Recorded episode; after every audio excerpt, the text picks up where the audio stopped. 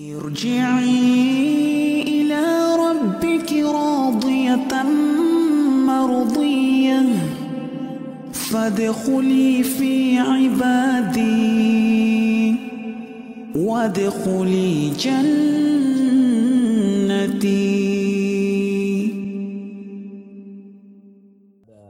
Ustazuna Ustaz Dr. Sufan Baswedan LCMA untuk melanjutkan kajian pada pagi hari ini. Tafadhol Maskuro. Bismillahirrahmanirrahim. Assalamualaikum warahmatullahi wabarakatuh. Innalhamdulillah nahmaduhu wa nasta'inuhu wa nastaghfiruh wa na'udzu billahi min shururi anfusina wa sayyiati a'malina. Man yahdihillahu fala mudilla lahu wa man yudlil fala hadiya lahu. أشهد أن لا إله إلا الله وحده لا شريك له وأشهد أن محمدا عبده ورسوله لا نبي ولا رسول بعده صلى الله عليه وعلى آله وصحبه ومن والاه أما بعد أيها الإخوة kita akan lanjutkan tafsir dari surah Abasa yang Ana ambilkan dari tafsir Syekh Abdul Rahman bin Nasir As-Sa'di rahimahullah melanjutkan bagian kedua tafsir yang lebih mendetail mulai dari ayat ke-17. Qala Allah Ta'ala, A'udzu billahi minasyaitonir rajim. Qutilal insanu ma akfarah.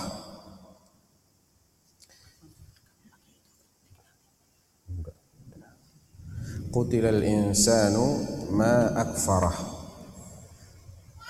Kutila itu bentuk kutukan laknat dari Allah Subhanahu wa taala yang ditujukan kepada manusia. Ai uh, bukan afan bukan bukan laknat ya, artinya penjelasan uh, tentang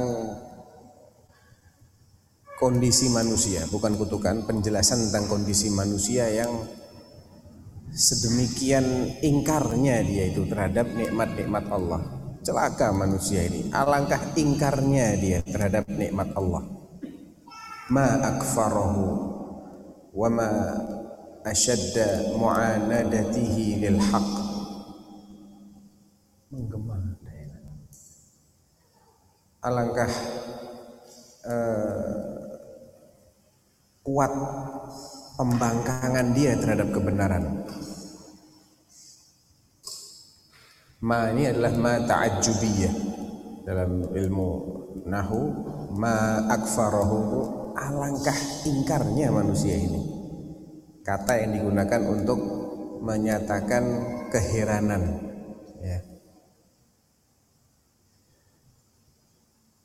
Padahal bukti-bukti kebenaran itu sudah demikian jelas. Bukti betapa kuasanya Allah, bukti tentang besarnya nikmat-nikmat Allah sedemikian jelas kok masih diingkari juga oleh manusia ini. Padahal apa sih manusia itu? Sehebat apa manusia itu? Ya. Kok sedemikian sombongnya dia untuk mengakui keesaan Allah Subhanahu wa taala. Kok sedemikian ingkarnya dia. Sudah diberi curahan nikmat yang tak terhingga, dia abdikan dirinya kepada musuh-musuh Allah. Kepada selain Allah yang tidak punya kekuasaan apa pun. Itu kan bentuk kedurhakaan yang luar biasa. Antum bayangkan ketika seseorang memiliki anak dari kecil bapaknya ibunya capek pontang panting jungkir balik untuk membesarkan anak ini.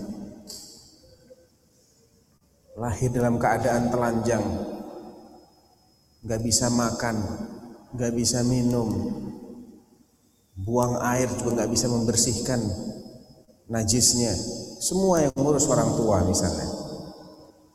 Kemudian dibelikan pakaian, dikasih nutrisi, lapar sedikit, dikasih susu, terus dibesarkan dari bodoh nggak ngerti apa-apa, lahir nggak punya pengetahuan apa-apa, disekolahkan sampai pinter. Begitu dia bisa mandiri, dia ingkari semua jasa orang tuanya. Kurang ajar nggak? Kurang ajar. Padahal itu cuma orang tua, bukan yang menciptakan manusia itu bukan yang menentukan nasibnya manusia di akhirat bukan yang memberikan kesehatan kepada si anak. Memberikan organ-organ tubuh yang bisa berfungsi dengan baik bukan. Baik-baik tapi tidak semaksimal kebaikan Allah. Nggak ada artinya bahkan kebaikan Allah kalau dikorelasikan dengan kebaikan orang tua kebaikan orang tua nggak ada artinya. Justru yang menjadikan orang tua itu punya kasih sayang punya perhatian besar Allah. Sayangnya orang tua sama kita itu karena Allah berikan kasih sayang pada orang tua kita. Innalillahi mi'ata rahmah. Allah tuh memiliki 100 rahmat. Dari 100 rahmat itu yang diturunkan ke dunia cuma satu persen. Satu. Turun ke dunia. Dari satu persennya ini umat manusia bahkan termasuk binatangnya punya perasaan sayang sama anaknya. Sampai kata Rasulullah kuda induk kuda tidak menginjak anaknya sendiri. Itu juga karena dikasih rahmat oleh Allah. Jadi betapa hebatnya rahmat Allah yang belum Allah berikan ini yang Allah tahan orang-orang beriman. Orang kafir tidak mengakui Allah sebagai al-ilah al-haq dikasih rezeki nggak sama Allah dikasih rezeki. Dikasih rezeki. Ya. bahkan mungkin lebih uh, makmur hidupnya daripada kaum muslimin. Sampai-sampai kita diingatkan jangan terkecoh dengan makmurnya orang kafir. Kebebasan mereka di muka bumi. La yaghurrannaka taqallubul ladzina kafaru fil bilad mata'un qalil itu hanya kenikmatan yang sangat sedikit. Kalau dibandingkan dengan konsekuensi yang akan mereka hadapi di akhirat nggak ada artinya itu. Tapi jangan sampai kalian terkecoh dengan kehidupan malang melintangnya orang kafir yang eh, apa namanya di muka bumi ini. Ya Padahal kalau dilihat manusia ini cikal bakalnya dari sesuatu yang baunya amis. Agak menjijikkan. Keluar dari lubang yang sama dengan keluarnya najis. Ya enggak? Ada yang diciptakan dari selain itu di sini? Hah?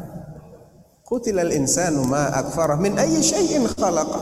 Emang dari apa sih? Allah menciptakan manusia kok sombong banget manusia ini? Kok ingkar banget manusia ini? Min ayyi syai'in khalaqa. Dari apa sih? Allah menciptakan manusia itu min nutfatin khalaqahu faqaddara Allah menciptakan manusia dari nutfah.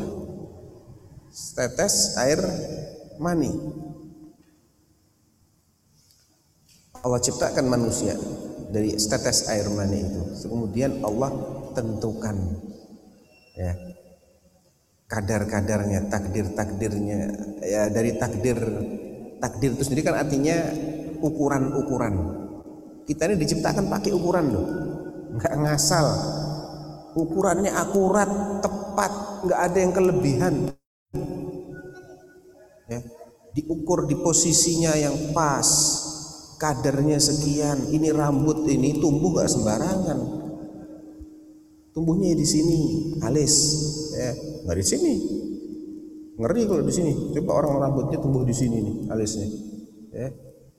Atau kumisnya tumbuhnya ke atas gini nggak ke bawah ya. kemudian telinga letakkannya di sini dua pasang. Ada daunnya dengan lekukan-lekukan. Ini semuanya membutuhkan ukuran-ukuran ya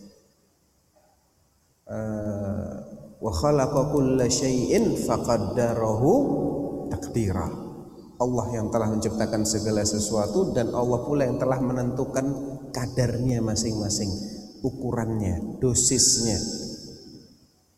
Ya, spesifikasinya itu ditentukan semuanya oleh Allah. Diciptakan manusia dengan posisi tegak, dengan kedua mata menghadap ke depan.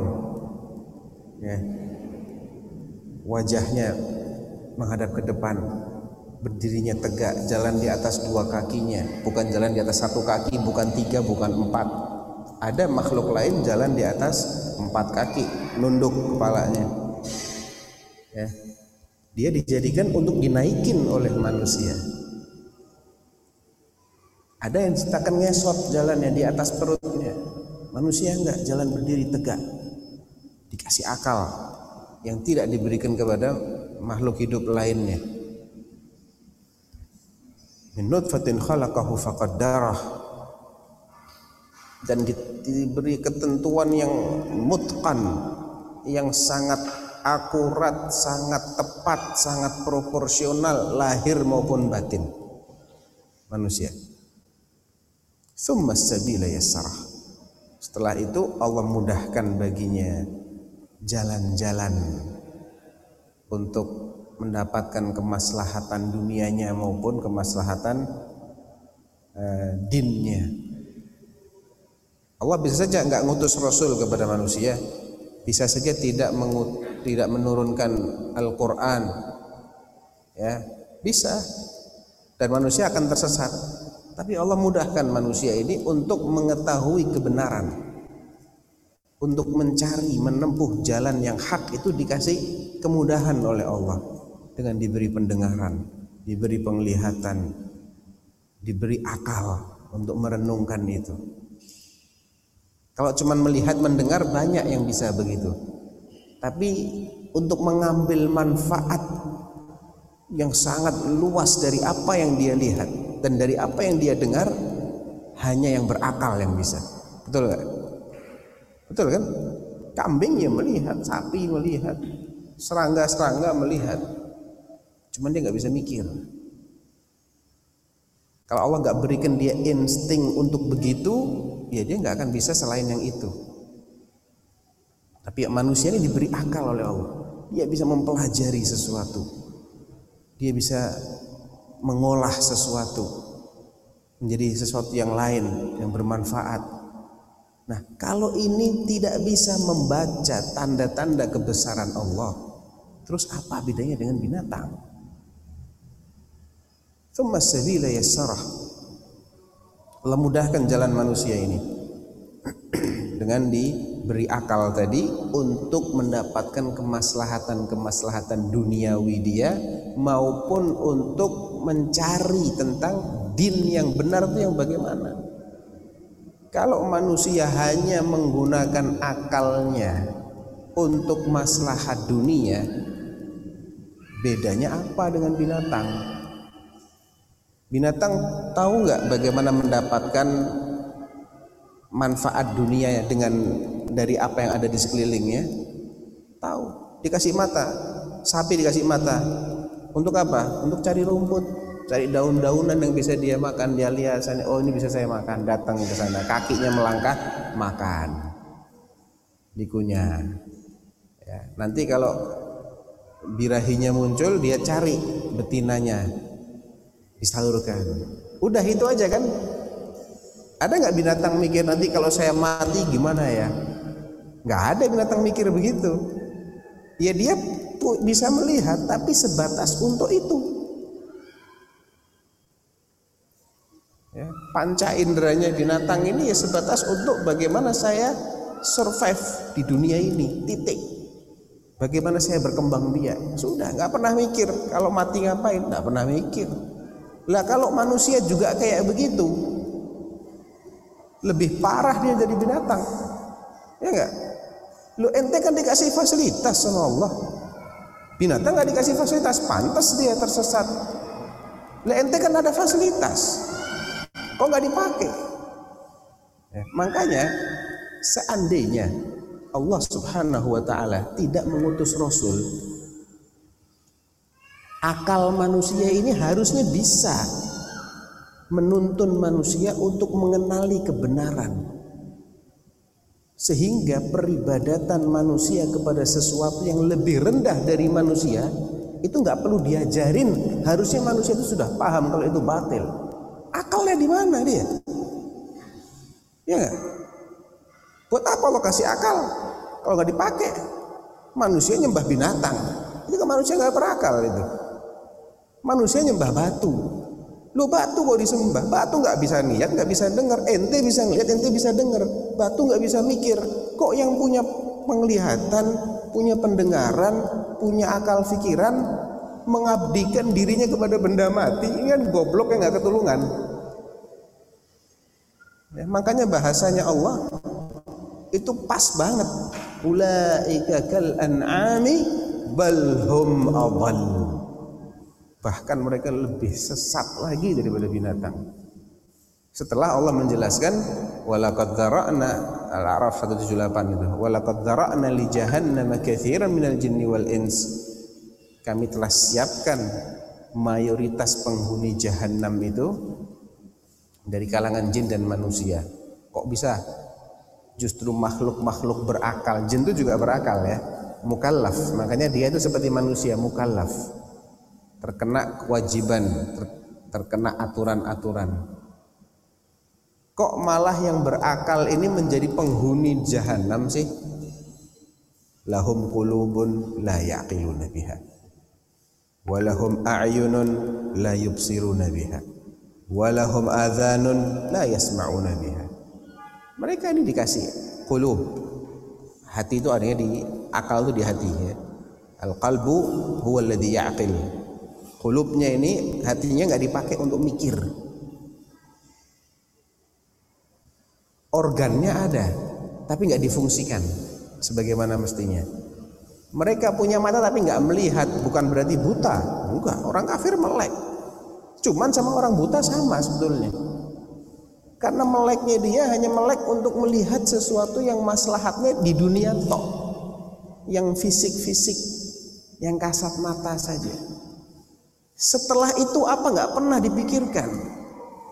Walahum adhan, mereka juga punya organ yang namanya kuping, telinga. Cuman fungsinya persis seperti fungsi telinga binatang. Hanya menangkap suara tapi nggak pernah merenungkan ini suara apa artinya.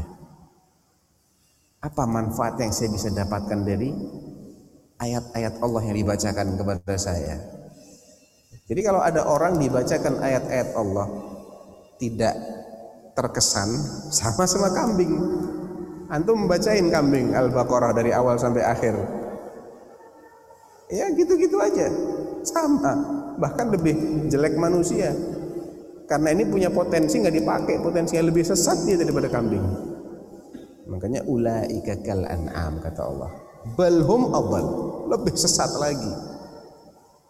Di ayat yang lain wa mathalul ladzina kafaru kamathalil uh, in innal ladzina kafaru ya'kulun wa yatamatta'un yatamatta'un wa ya'kulun kama ta'kulul an'am Orang kafir itu bersenang-senang, makan kayak binatang makannya.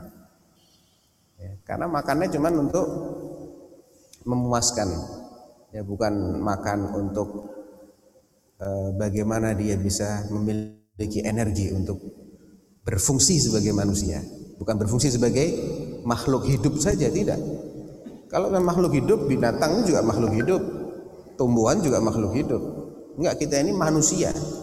Hambanya Allah Subhanahu wa taala. Jadi di sini Allah Allah mengingatkan kita, min ayyi syai'in khalaqa min nutfatin khalaqahu faqaddara tsumma as-sabila yasara. Antum perhatikan janin. Ketika di perut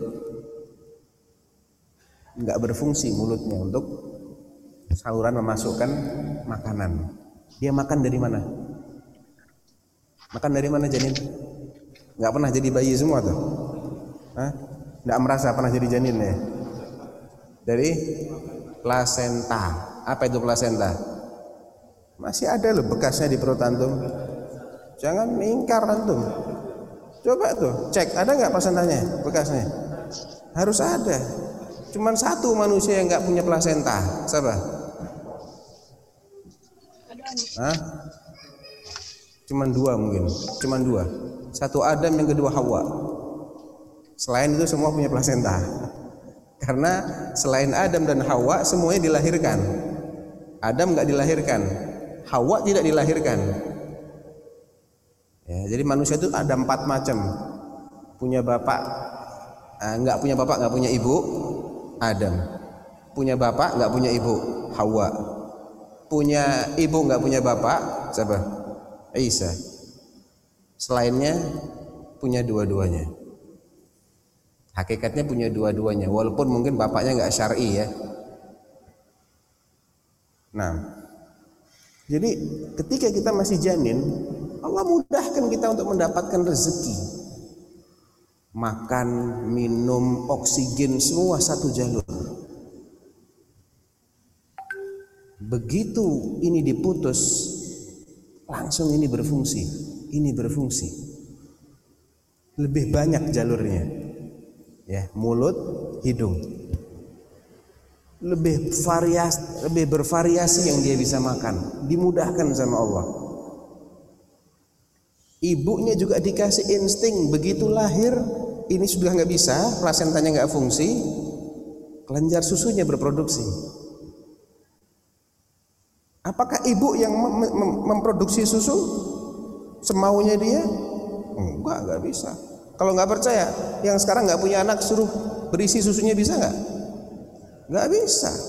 Allah yang mudahkan kelenjar itu untuk memproduksi susu. Allah yang mudahkan proses pencernaan makanan. Ya. masuk ke mulut. Antum cuma bisa masukin ke mulut udah. Telan. Habis itu antum mengatur dia. Eh jangan masuk ke paru-paru ya ntar saya nyesek mati saya. Eh jangan langsung masuk ke apa namanya usus besar enggak. Allah yang mudahkan. Masuk ke lambung dengan gerakan peristaltiknya ya. Kemudian kalau udah masuk nggak keluar lagi ditutup ada klepnya. Coba kalau masuk dia bisa keluar lagi muntah terus antum. Ya. Habis itu dicampur dengan asam lambung dibunuh kalau ada bakteri-bakteri. Kalau nggak ada asam lambung tiap makanan yang terkontaminasi lolos deh. Keracunan. Sakit perut terus. Tiap kita makan sakit perut coba bayangkan. Nggak bisa kita nikmati makanan. Dari situ diproses lagi ke usus 12 jari. Habis itu masuk ke usus halus diserap nutrisinya di situ. Ya. Yang cair-cair udah mulai memadat pindah lagi ke usus besar. Sampai akhirnya dikeluarkan. Dan harus keluar mau tadi harganya sepiring 100 ribu keluar nggak ada harganya. Kalau nggak keluar antum sakit. Itu yang tadi satu porsi 100 ribu mungkin lebih dari itu. Kalau dimakan nggak keluar lagi bingung antum. Ya bingung. Makanya salah satu khalifah Harun ar-Rasyid pernah ditanya ketika dia sedang kehausan terus dia dapat segelas air dia minum ditanya sama seorang ulama Ara'aita ya Amirul Mukminin law muni'ta min hadha syarab bimada satadfa? Bagaimana menurutmu hai Amirul Mukminin seandainya engkau dicegah untuk meminum air ini kau akan bayar dengan apa?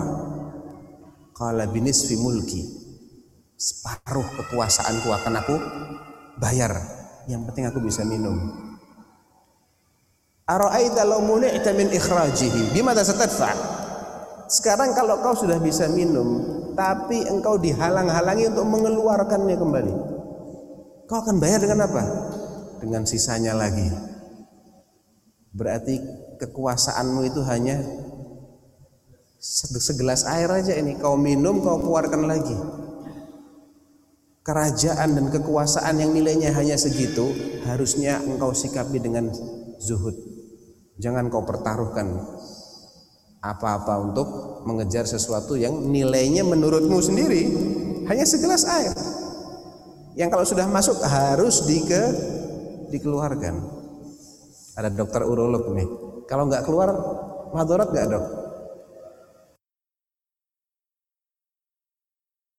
Kencing itu nikmat ya kalau gagal ginjal antum nggak bisa kencing antum mau ngeluarin cairan tuh bayar. Eh, iya pemerintah yang bayarin. Nggak ada BPJS nggak mau rumah sakit itu nyuci ginjal. Apa nyuci darah?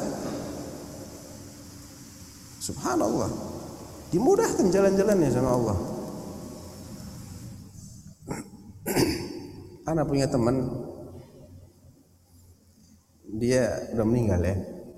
Kena kanker usus ganas Antum tahu keluhannya apa? Anak ini tiga bulan nggak bisa kentut, nggak bisa BAB, kenapa? Kencing bisa, kentut nggak bisa, BAB nggak bisa. Tiga bulan, kurus badannya, dicek, dicek, dicek, cek, ternyata tumornya udah besar-besar di usus besarnya dia itu. Angin aja keluar nggak bisa, bayangkan, tersumbat salurannya, nggak bisa kentut, nggak bisa BAB. Nah, siapa yang tetap menjaga sel-sel antum nggak tumbuh liar? Antum yang jaga, antum yang nyuruh. Ini kalau selnya sudah mati, produksi lagi ya, jumlahnya sekian ya. Jangan salah tempat. Sel gigi jangan tumbuh di sini, ngeri nanti jadinya. Sel kulit ya tumbuh di bagian-bagian itu, nggak salah alamat deh. Tulang ya tumbuhnya di tempat-tempatnya tulang. Yang rawan harus tetap rawan, jangan mengeras, repot nanti. Coba hidung antum keras, sujud, aduh susah.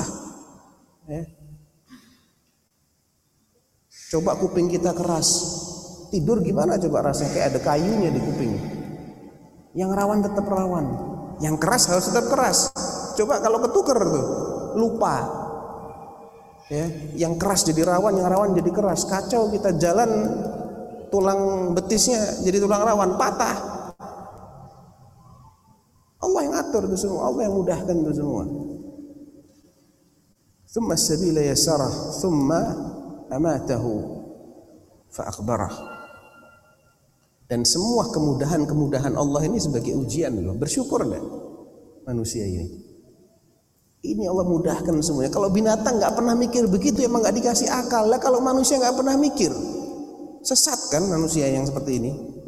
Gak pernah dia berpikir ini, terus dia sombong, nggak ada itu pencipta itu, jadi orang ateis. Itu lebih sesat lagi. Itu. Yang parahnya lagi kalau ada orang yang diberi ilmu tentang dirinya, tentang tubuhnya, dia jadi ateis. Saya nggak habis pikir itu. Padahal berapa banyak tanda-tanda kebesaran Allah pada diri kita. Wa fi anfusikum afala tubsirun. Ya, kok sampai dia mengingkari keberadaan Allah? Padahal dia dikasih ilmu sama Allah. Bagaimana sel-sel itu bekerja. Sel itu kecil, nggak punya otak sel kan.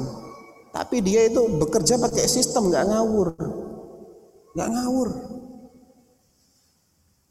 Masa dia menciptakan dirinya sendiri, memusnahkan dirinya sendiri, mereproduksi dirinya sendiri, nggak ada yang menggerakkan dia. Thumma sabila yasara thumma amatahu fa'akbarah. Dan manusia ini karena makhluk hidup dia suatu saat mati. Allah ngasih insting manusia, ngajarin manusia bagaimana memperlakukan manusia yang mati. Manusia pertama masih bingung. Kabil setelah membunuh Habil dia bingung. Saya mau ke mana kan dipikul-pikul itu jasad saudaranya. Dia bingung mau saya apa kan bingung nggak tahu. Maka Allah utus dua ekor burung gagak. Faba'athallahu ghuraban yabhathu fil ardi liwari sawata akhi. Liyuriyahu kaifa yuwari sawata akhi.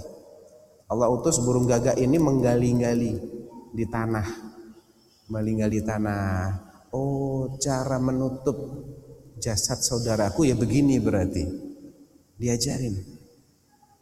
Kalau sudah dikubur di tanah Allah ciptakan mikroorganisme di tanah ini untuk mengurai jasad manusia. Coba nggak ada mikroorganisme? Bau bangkainya nggak? Nggak selesai selesai apalagi sekarang musim covid. Ngeri coba kalau di tanah nggak ada mikroorganisme yang mengurai jasad manusia, antum bisa bayangkan yang ngubur besoknya sakit mati. Ya, pernah di Baghdad ketika di diserang oleh pasukan Mongol itu dalam satu hari itu korban yang berjatuhan dari kaum muslimin itu sampai puluhan ribu totalnya itu diperkirakan 800 ribu jiwa yang dibantai oleh orang-orang Mongol. Tapi yang mati lebih dari itu. Matinya mereka ini bukan karena dibunuh, karena bau busuknya bangkai-bangkai tidak terurus itu. Sakit mereka mati lagi. Jadi makanya orang-orang yang mengevakuasi korban-korban yang reruntuhan ya atau yang uh, dulu ada li likuifaksi ya di mana itu? Di Palu Donggala ya. itu kalau kelamaan ya bisa sakit itu tim sarnya. Karena baunya luar biasa itu. Ya, baunya luar biasa. Jenazah jasad manusia itu paling bau ternyata dibandingkan yang lain-lain jadi Allah subhanahu wa ta'ala udah siapkan ini semuanya disiapkan sama Allah siklusnya itu begitu daur ulang ya, mati manusia didaur ulang oleh mikroorganisme diserap oleh tanah jadi unsur hara, jadi tumbuhan, dimakan lagi sama kambing. Ntar kambingnya dipotong dimakan manusia. Nanti kalau mati gitu, rantai makanannya seperti itu. Summa amatahu fa. Ya. Dia tidak dibiarkan seperti binatang-binatang pada umumnya yang mati nggak dikubur. Kan tragis kan ya Coba manusia itu dibiarkan mati dilihat oleh orang-orang. Ya, hari pertama masih punya muka dia, masih bisa dikenali wajahnya. Saya nggak pernah tahu ya, kalau dibiarkan itu wajah manusia itu berapa lama dia bisa bertahan. Mungkin seminggu sudah orang tutup hidung semua. Pada nyumpahin ini orang. Wih, baunya, busuknya luar biasa. A'udzubillahi minasyaiton. Bangkai siapa ini? Sudah gitu dia terhina kan? Terhina kalau dibiarkan seperti matinya binatang nggak dikubur. Kemudian digerogoti oleh cacing-cacing sehingga mukanya jadi mengerikan, habis tinggal tengkorak saja. Enggak. Allah muliakan manusia dengan dikubur. Ditutupin aib-aibnya dia. Karena kalau nggak kelihatan semua nih aibnya nanti. Orang akan jijik semua sama dia. Orang akan melupakan kebaikan dia karena teringat bayangan mayat yang membusuk itu orang jadi lupa dengan gantengnya muka dia dari sebelum mati. Allah muliakan. Thumma amatahu fa akbarah. Thumma idza syaa ansyarah. Kemudian apabila Allah menghendaki di suatu saat yang hanya Allah yang tahu, Allah akan bangkitkan lagi manusia ini dari kuburnya. Untuk apa? Nah, ini manusia nggak pernah mikir sebagiannya nggak pernah mikir untuk dibalesi ya. jadi kalau syarah rahimahullah fallahu huwal munfaridu bitadbiril insani wa tasrifihi bihadhihi tasarif lam yusharikhu fihi musyarikun Allah sendirian yang ngatur siklusnya manusia gerak-geriknya manusia menyiapkan bagi manusia semua yang menjadi penunjang hidupnya. Bahkan sampai dia mati pun gak dilupakan oleh Allah diproses disiapkan makhluk-makhluk yang bisa memproses dia sehingga tidak menimbulkan madarat bagi umat manusia. Allah sendirian ngurusin itu. Tidak ada mitranya Allah. Gak ada yang diangkat menjadi sekutu-sekutu Allah dalam mengatur ini semua wa huwa ma'a hadza la yaqumu bima amarallahu bi. Tapi sudah sebegitunya Allah terhadap manusia, manusia tidak menunaikan apa yang Allah perintahkan. Kafir banget ya manusia. Ya, qutilal insan ma akfarahu. Alangkah kafirnya manusia ini. Walam yaqdi ma faradahu alaihi bal la yazalu muqassiran tahta talab. Dan manusia itu tidak otomatis dia itu menunaikan semua kewajibannya. Tetap aja nggak maksimal dan harus disuruh-suruh. Harusnya kan ngerti gitu loh. Harusnya ya sadar dong dikasih nikmat luar biasa sama Allah. Enggak kalau nggak disuruh-suruh sama Allah nggak jalan juga nih manusia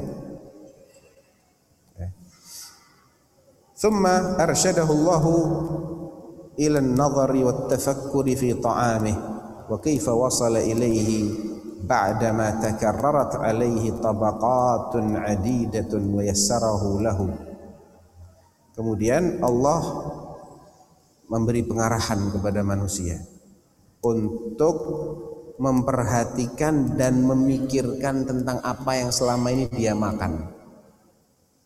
Ya. Kok bisa itu sampai ke mulut dia makanan tadi? Ada yang sarapan pakai nasi soto, ada yang sarapan pakai pecel, ada yang sarapan pakai roti, ada yang pakai yang lain-lain. Pernah nggak kita mikir proses sampainya roti ke depan mulut antum itu bagaimana?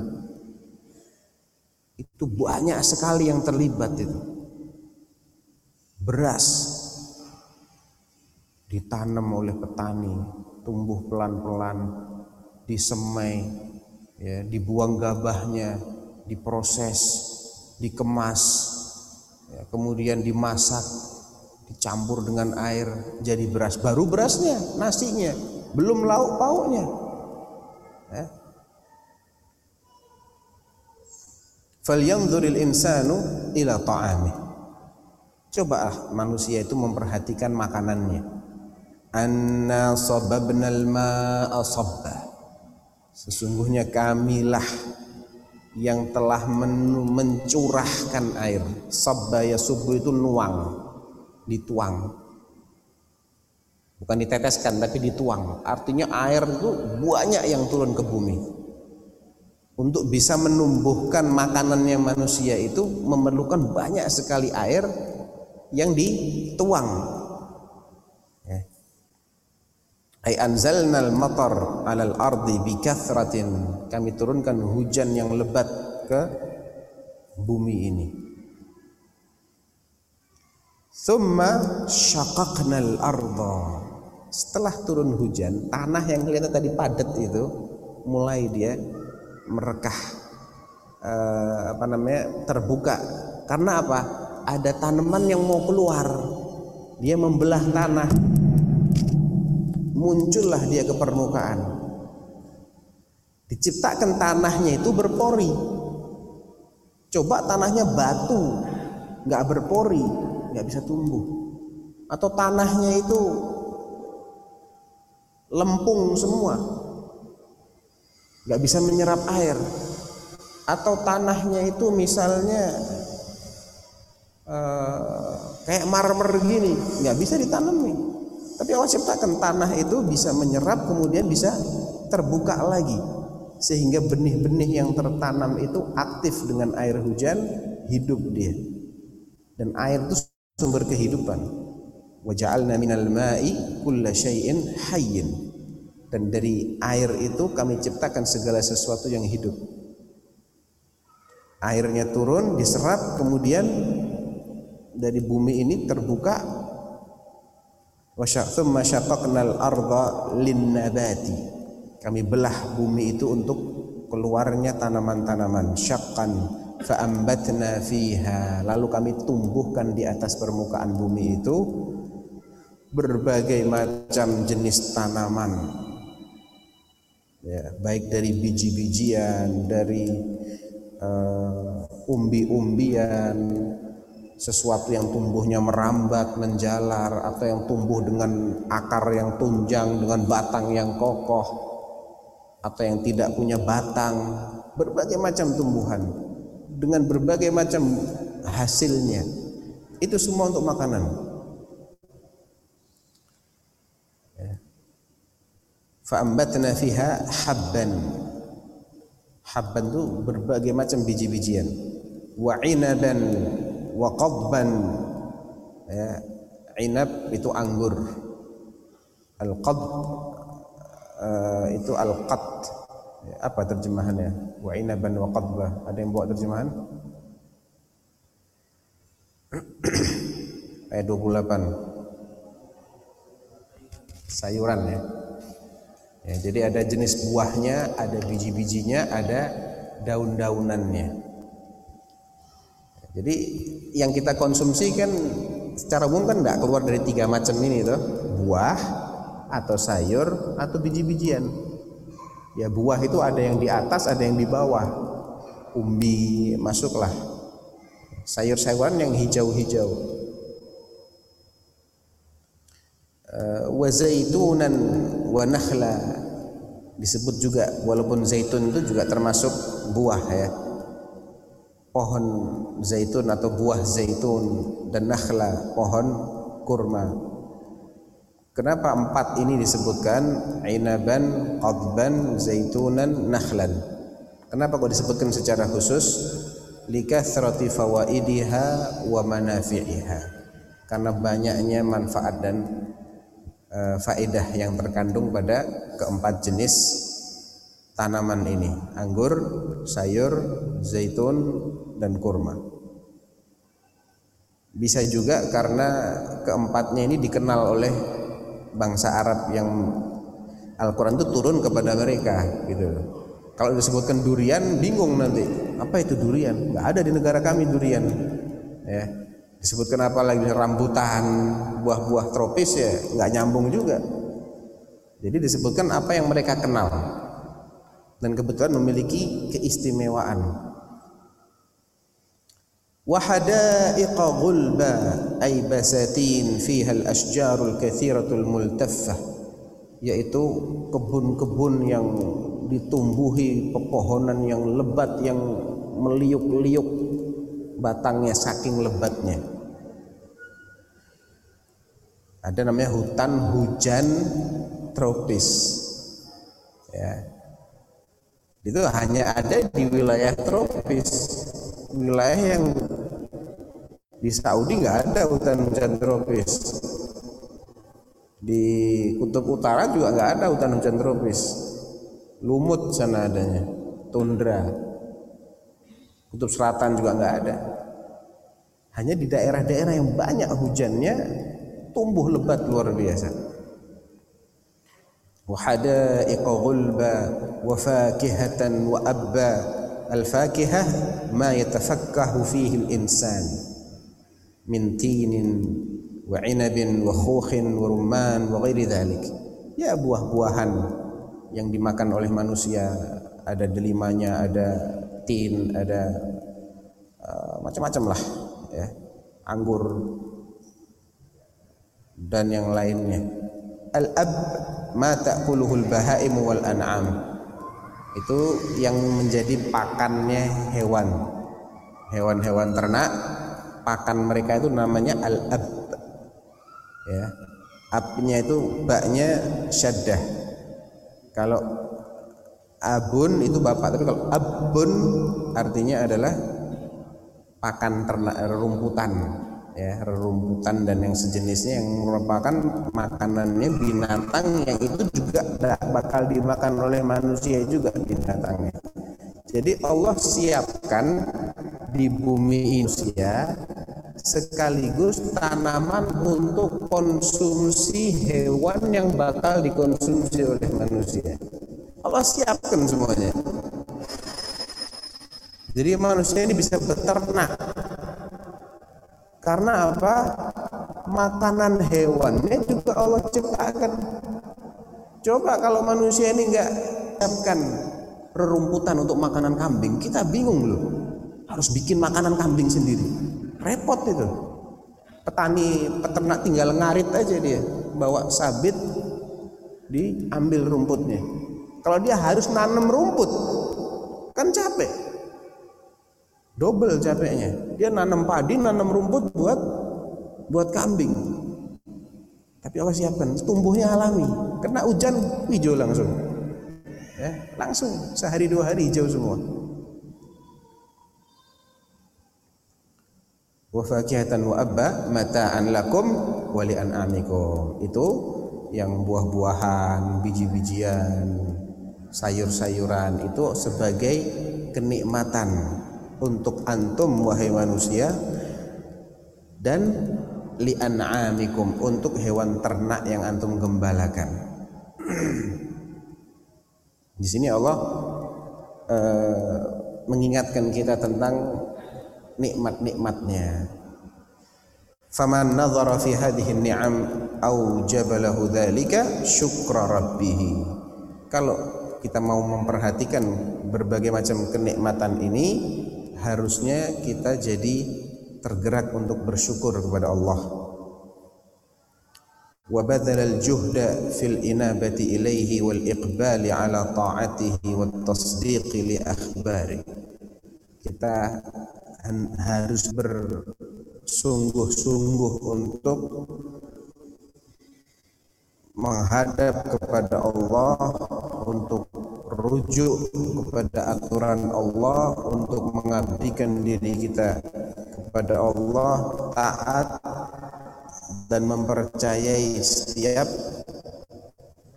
uh, kabar beritanya Allah Subhanahu wa taala.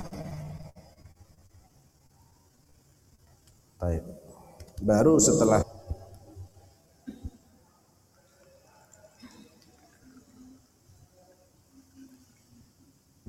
Allah kemudian mengatakan fa idza ja'atis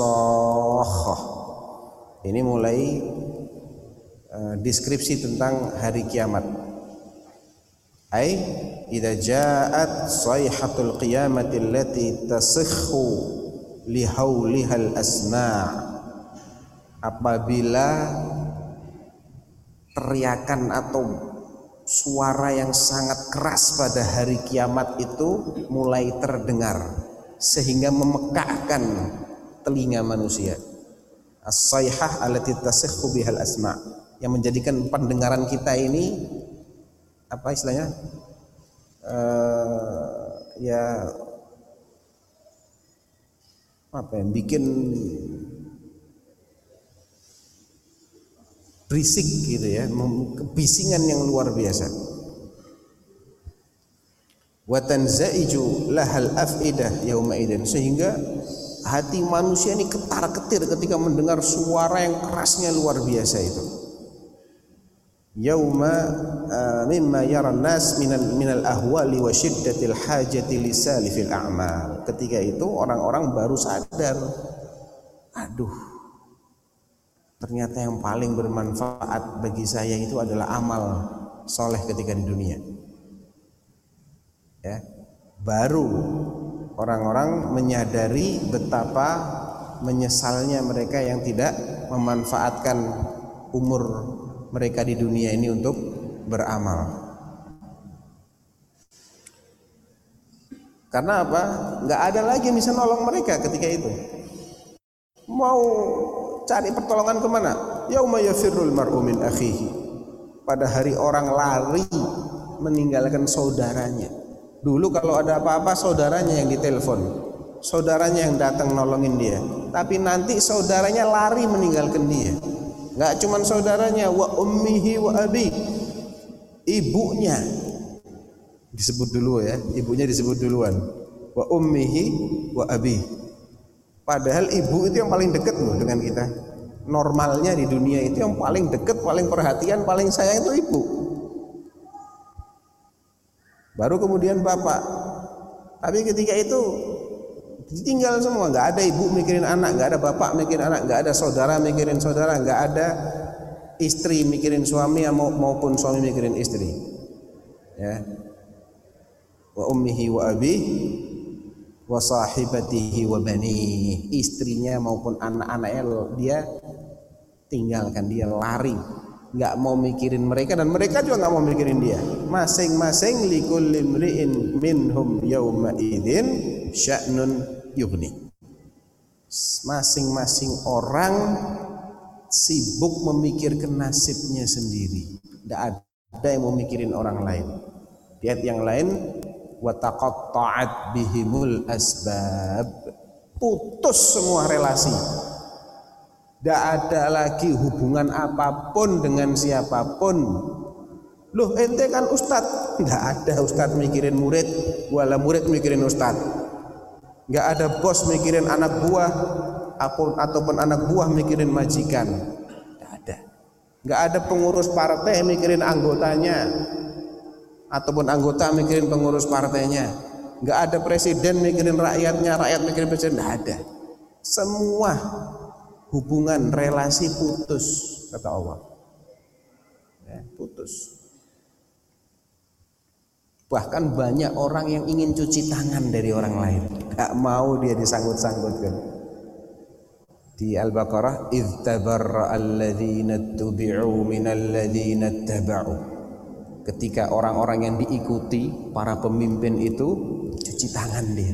Eh anak nggak ada hubungan ya sama ente? Anak bukan siapa-siapa ente? Anak pura anak nggak mau kenal sama ente mereka cuci tangan dari orang-orang yang dulu setia ngikutin mereka dalam kebatilan. Tidak mau disalah-salahkan. Aslinya manusia keluar di situ. Egonya keluar. Jangankan sama pengikut sama anaknya aja dia nggak mau kok. Kalau perlu anaknya dikorbanin sama dia. Ya waddul mujrimu lau yaftadi min adab yaumi idzin bibani. Orang-orang mujrim, pendosa, orang-orang durjana itu angan-angannya apa?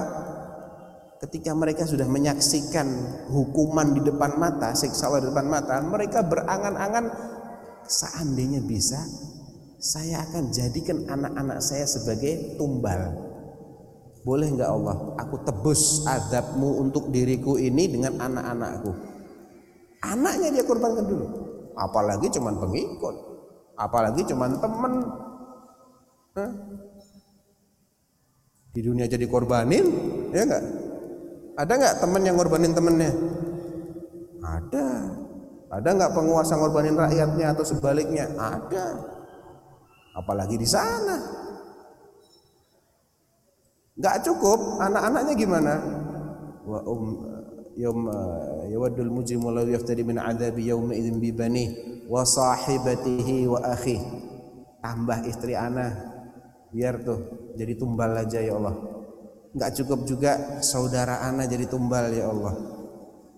Wa fasilatihi allati tuwih enggak cukup juga kaum kerabatku semuanya keluarga besarku yang dulu dia sangat melindungiku di dunia. Bela-bela aku. Siap mati demiku di dunia.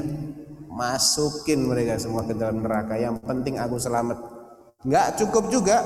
Waman fil ardi jami'an itu di surat al-ma'arij ya dan semua yang ada di bumi ini enggak apa-apa ya Allah masuk ke neraka semua yang penting anak selamat Nah, itu manusia itu kayak gitu nanti kalau di akhirat. Jadi kalau setia sama manusia dalam rangka maksiat sama Allah nyesel. Nyesel. Orang yang antum setia sampai antum maksiat sama Allah nggak akan belain antum. Dia cuci tangan. Afwan. Mundur aja. Dia akan cuci tangan ittabarra alladhina tubi'u min alladhina taba'u wa ra'awul azab wa taqatta'at bihimul asbab wa qala alladhina taba'u law anna lana karratan lanatabarra'a minhum kama tabarra'u minna pengikut-pengikutnya nyesalnya double Ya Allah, seandainya kita punya kesempatan lagi hidup di dunia, kami tidak bakal mau ngikutin mereka. Ngapain jadi pengikut mereka? Mereka nggak ngurusin kami sekarang. Mereka terlantarkan kami. Bahkan mereka pertaruhkan kami untuk nasib mereka sendiri. Kadzalika yurihimullahu a'malahum hasaratin 'alaihim. Wa ma hum bikharijina minan nar. Demikian Allah tampakkan perbuatan mereka selama di dunia itu menjadi penyesalan-penyesalan besar untuk mereka. Dan mereka tidak akan keluar dari neraka. Saling melaknat, saling mengutuk saling nyumpah-nyumpahi itu nanti di akhirat Wa ummihi wa abihi wa sahibatihi wa banihi likulli imri'in minhum yawma idzin sya'nun yughni ini nasibnya orang-orang yang tragis.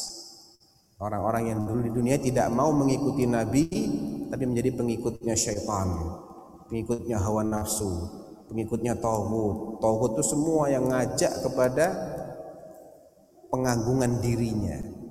Min, togo, togo artinya melampaui batas. Batasnya manusia itu ngikutin bukan menjadi tandingan tidak, manusia ini harusnya memposisikan dirinya sebagai hambanya Allah, ikut aturan Allah, bukan dia menciptakan aturan tandingan, menandingi aturannya Allah. Kalau dia seperti itu, togut namanya. Manusia ini harusnya nyembah Allah. Kalau ada manusia memposisikan dirinya, eh kalian harus nurut sama saya. Walaupun saya suruh kalian maksiat, berarti dia telah melampaui batas dirinya. Togut juga. Ngajak orang lain untuk mengabdi kepada dirinya, berarti dia juga telah melampaui batas. Jadi bentuk-bentuk togut itu banyak. Kullu ma tajawaza abdu haddahu min matbu'in au mahbubin au muta'in. Setiap pihak yang melampaui batas baik sebagai yang dicintai atau yang diikuti atau yang ditaati ya, melampaui batas dicintainya melampaui batas ditaatinya melampaui batas diikutinya itu masuk kategori tauhid dan dedengkotnya adalah syaitan iblis ya. Murid setianya di antaranya Fir'aun. Itu murid setianya ya. wujuhun yauma idin musfirah. Allah menceritakan tentang orang yang mendapatkan nikmat. Itu nampak di wajah mereka. Berseri-seri bercahaya terang dhahikatun mustabsyirah mereka tertawa-tawa riang. Karena apa namanya mendapatkan kabar gembira.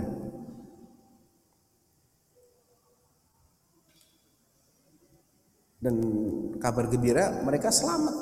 Nggak terkena adab. Ya, mereka sudah melihat nikmat-nikmat yang bakal mereka rasakan sebentar lagi berbunga-bunga ya senang riang sekali dhahikatun mustabsyirah wa wujuhun dan ada juga wajah-wajah yang pada hari itu wajahnya orang-orang yang celaka, orang-orang yang sengsara itu, orang-orang kafir, orang-orang munafik. Yauma idzin 'alaiha ghabarah. Tertutup debu pada hari itu. Terhaquha diselimuti lagi qatarah. Warna gelap hitam yang tebal. Ya. Jadi sudah wajahnya ketutupan debu diselimuti dengan kegelapan. Ini mengindisa, mengindikasikan nasib yang sangat nahas, yang sangat mengerikan. Dan dia sudah putus asa dari semua kebaikan. Udah lewat semua ini. Nggak ada lagi yang bisa saya lakukan. Dia hanya tinggal menunggu fonisnya Allah Subhanahu wa taala yang maha adil. Ya, tidak ada sedikit pun orang akan didolimi pada hari itu. Tapi dia sudah nggak punya kesempatan, makanya nyesalnya luar biasa. Saking menyesalnya Allah menceritakan mereka itu menggigit semua jarinya, nggak cuma dua. Yawa yauma ya'addu dhalimu ala yadaihi. Pada hari orang zalim menggigit kedua tangannya, semuanya digigit, geram betul dia. Saya ini kok apes banget ya. Saya sia-siakan kesempatan saya di dunia untuk ngikutin Rasul. Saya malah ngikutin si Fulan teman saya yang akhirnya dia menyesatkan saya dari jalannya Rasul tarhaquha qatarah karena dia menyadari bakal binasa sebentar lagi Ulaika humul kafaratul fajarah. Siapa wajah yang hitam legam tertutup kegelapan tadi, berdebu tadi? Mereka lah orang-orang kafir. Al-kafarah alladzina kafaru bi ni'matillah wa kadzabu bi ayatihi wa tajarra'u ala maharimihi.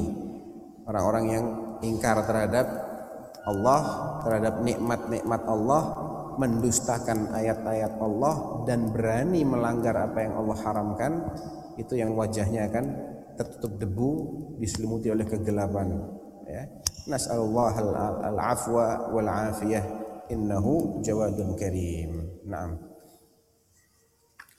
Taib. Udah selesai tafsirnya. Tafadhol uh, pertanyaan online dulu kalau ada. Baik, uh, Masya Allah jazakumullah khair Ustaz atas pemaparannya. Eh, sebelum Ana ada beberapa pertanyaan di kolom chat, mungkin Anda bertanya dulu mengenai eh, dakwah dan dihubungkan dengan eh, ayat faman syaa azakaroh itu, Ustaz. Barang siapa yang menghendaki maka dia akan memperhatikan. Kadang-kadang kalau kita berdakwah kan mereka ya itu kan saya nggak menghendaki gitu loh. Udahlah urus saja dirimu sendiri gitu. Nah itu bagaimana kita menyikapinya? Maksudnya bagaimana kita menyikapi orang yang Bersikap demikian. Ya. uh, tidak mau memperhatikan. Ya kalau yang eh, kalau dakwahnya ini ditujukan kepada personal satu orang itu saja ya sampaikan ketika dia mengacuhkan sudah. Sampaikan aja dengan dalilnya dengan bahasa yang bisa difahami dengan bahasa yang lemah lembut karena pada dasarnya dakwah itu dengan lemah lembut. Dakwah itu bagaimana kita mengajak orang untuk sadar kalau dia itu salah jadi bahasanya harus bahasa yang kondusif yang mendukung orang untuk sadar tidak bahasa yang me- merangsang orang untuk semakin keluar egonya karena merasa dipersalahkan. Jadi yang penting bagi kita itu kita upayakan untuk dakwah sesuai dengan cara dakwah yang diajarkan oleh Allah dan Rasulnya. Setelah itu sudah. Kalau dia nggak mau mendengarkan sudah nggak apa-apa. Antum cari orang lain, ya. Cari orang lain. Kan tidak hanya si fulan yang kita dakwahi. Secara umum dakwah itu bisa dengan ucapan, bisa juga dengan perbuatan kok. Ada orang yang tidak banyak berkata tapi orang simpatik sama dia karena sikapnya, sikapnya yang yang menyenangkan itu juga bagian dari dakwah. Bahkan orang yang menjadi musuh bebuyutan itu bisa berbalik jadi teman setia bukan dengan kata-kata tapi dengan sikap yang baik. Idfa' billati hiya ahsan. Balaslah kejahatan seseorang dengan cara yang terbaik atau lebih baik. Fa idzal ladzi bainaka wa bainahu adawatun ka'annahu waliyyun hamim. Maka orang yang tadinya itu sangat memusuhimu, dia akan berubah jadi teman setia. Jadi harus dengan kata-kata. Kalau dengan kata-kata nggak mempan dengan sikap coba. Banyak itu sahabat-sahabat Nabi yang awalnya musuh bebuyutan. Ikrimah bin Abi Jahal, Sofwan bin Umayyah. Eh, Banyak lagi yang lain. Begitu dia masuk Islam, dibaikin sama Rasulullah, dikasih ghanimah nggak pakai hitungan, ya.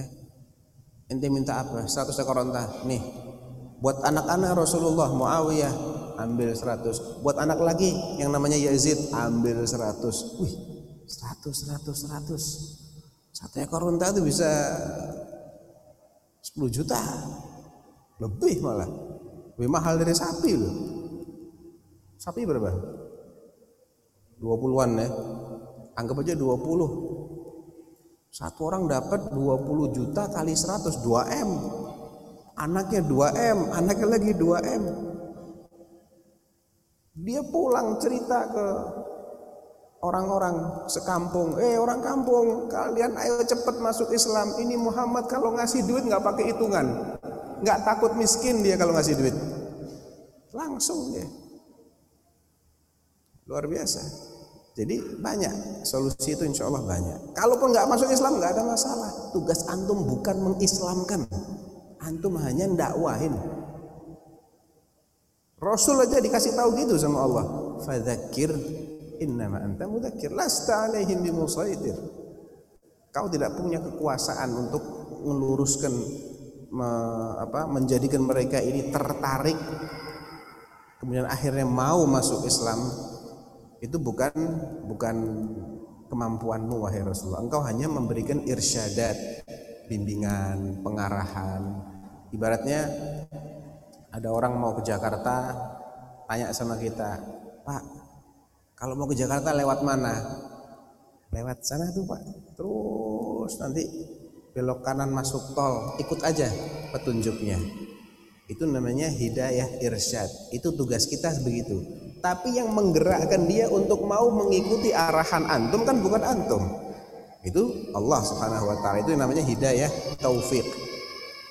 Dia dijadikan mau mengikuti petunjuk-petunjuk yang telah didapatkannya itu. Itu Allah Subhanahu wa taala. ya emang perlu sabar ya, perlu sabar. Nah, Nah, Ustaz, mungkin uh, di sana tuh ada Dokter Omar dan kawan-kawan. Silakan jika offline mau bertanya. kok tahu ada dokter Umar di sini? Ya, udah feeling Ustaz. Udah feeling. Betul ada yang mau tanya?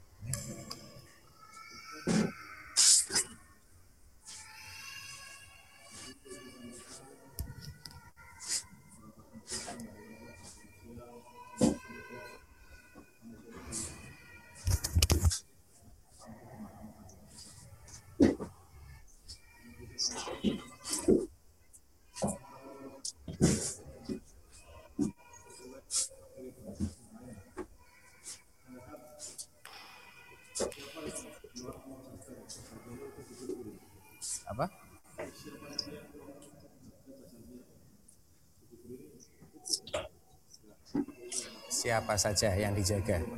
Oh. Baik.